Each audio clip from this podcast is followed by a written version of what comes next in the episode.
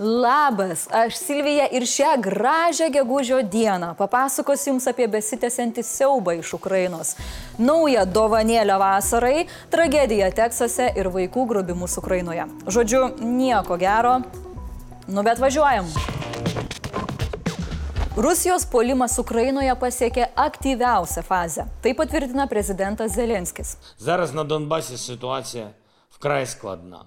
Фактично туди для наступу кинута уся потуга російської армії, яка у них ще залишилась. Лиман, Попасна, Сєвєродонецьк, Слав'янськ. Окупанти хочуть зруйнувати там все. Ukrainos užsienio reikalų ministras Dmitro Kuleba antrina, tokio pulimo, koks yra Donbase, Europa nematė nuo antrojo pasaulinio karo. Panašu, kad rašistai nori dar vieno ar kelių Mariupolių, apsuptų ir sunaikintų miestų. Terorusai iš visų pusių stipriai daužo Severodonetską. Teigiama, kad jau per vėlų iš čia evakuoti tūkstančius civilių. Kremliaus orkai apšaudė Zaporožę, raketos smogė Kryvį Ryho miestui. O dabar apie dėrybas. Zelenskis pareiškė, kad dėrybos su Rusijos vadovybė dėl dėl karo užbaigimo tikrai bus.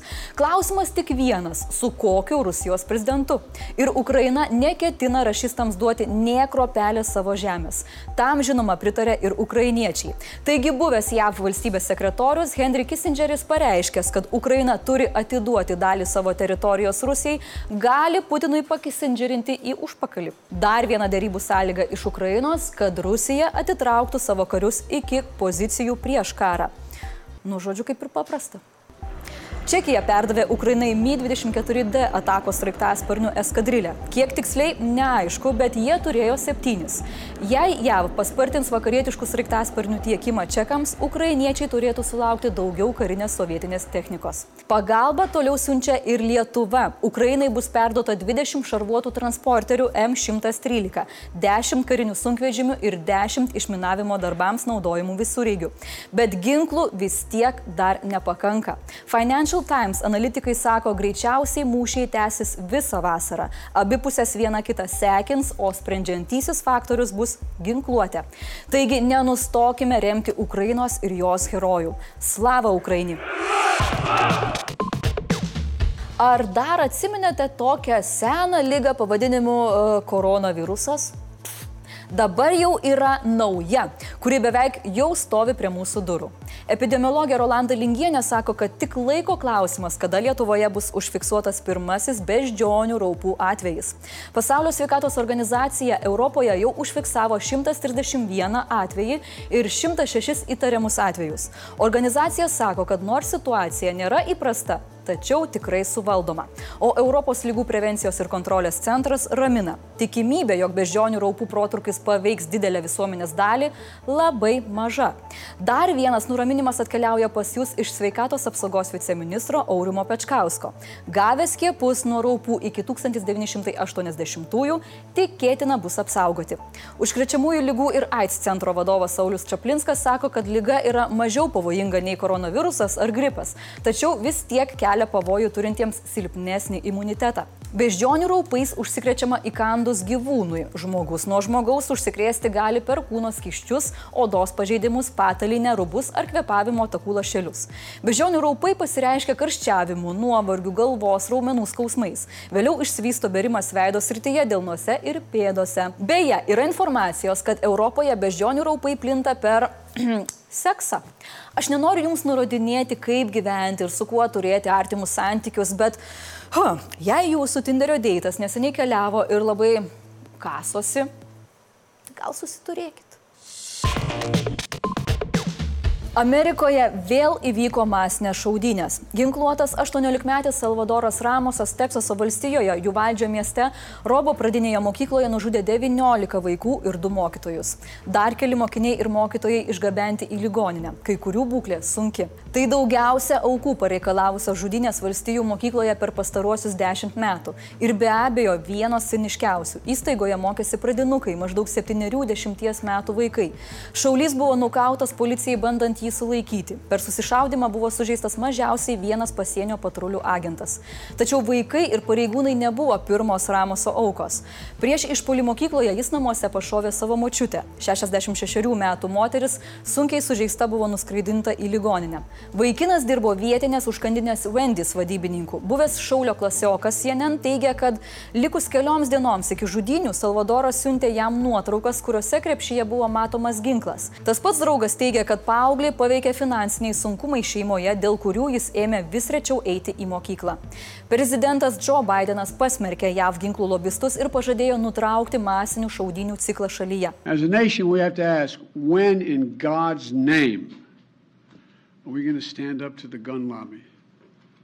in God's name we do what we all know in our gut needs to be done? Užuojautą pareiškė ir buvęs JAV prezidentas Barackas Obama. Senatorius Krisas Murphy, demokratas iš Konektikuto, kur įvyko šaudinė Sandy Hook mokykloje, be ne aistringiausiai ragino imtis konkrečių veiksmų, kurie užkirstų kelią panašiam išpoliui. Every ounce of love and thoughts and prayers we can send, we are sending.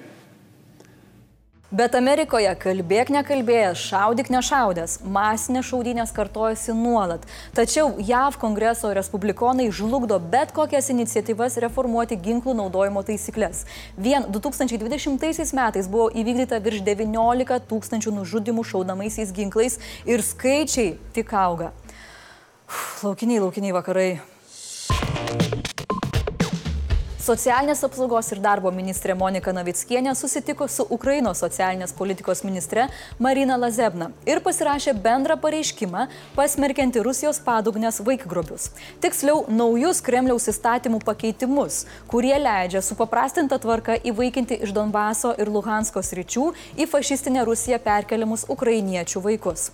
Lietuvos inicijuotame dokumente tarptautinės organizacijos įgaliotos ginti vaikų teisės raginamos imti skubių veiksmų tam, kad būtų užtikrintos būtiniausios paslaugos Ukrainos vaikams ir būtų apginta jų teisė išlaikyti tautinį tapatumą ir šeimos ryšius. Labai džiaugiuosi, kad būtent šiandien visi parašai ant deklaracijos jau yra sudėti ir jinai bus nukreipta tiek į jungtinės tautas, tiek į UNICEFą, į kitas tarptautinės organizacijas. Lebesnos teigimu, tai, ką daro rusai, galima pavadinti vienu labai aiškiu ir paskutiniu metu dažnai girdimu žodžiu. Šio pramusovo peredania дитини від однієї етнічної групи до іншої етнічної групи це прояв геноциду. Ji vylėsi, kad pasaulyje kuo plačiau pasklis šis pareiškimas ir visi sužinos apie rašistų daromus karo nusikaltimus. Nuo karo pradžios dešimtis tūkstančių vaikų buvo priverstinai deportuoti iš Ukrainos į Rusiją. Daugiausia apie 600 vaikų išvežta iš Mariupolio. Apie tūkstančio vaikų bei jų tėvų likimas nėra žinomas. Vilties, kad dokumentas kažką pakeis, yra. Rusijos dūma kol kas paspartinto įvaikinimo projekto nepatvirtino. Arba išsigando pasaulio reakcijos, arba laukia tinkamo momento. Blitz naujienos. Laisvės TV kviečia visus jūs prisidėti prie turbūt pirmą kartą istorijoje tokio piliečių rengimo pirkinio. Lietuvos ir Turkijos gynybos ministerijoms uždegus žalį šviesą ir sutikus pačiam gamintojui kartu su jumis galime nupirkti ir Ukrainai padovanoti rusų armijos žudiką Bayraktar. Kviečiame jūs susitelkti. Žodžiu, 5 milijonai, 3 savaitės ir visa informacija, kaip prisidėti laidos apraše. Su Ukraina iki pergalės. Šiaurės Koreja paleido keletą raketų, įskaitant numanomą tarp žemyninę balistinę raketą.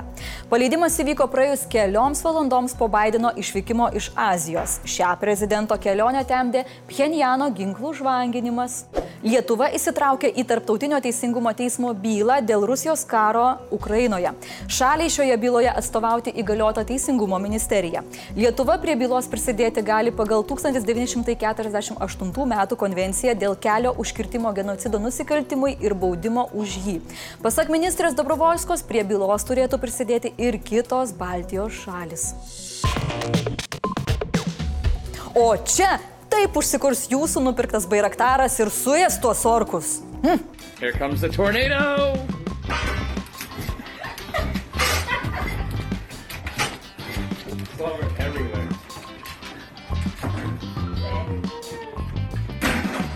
Ačiū, kad žiūrėjot tiek žinių ir iki rytojaus.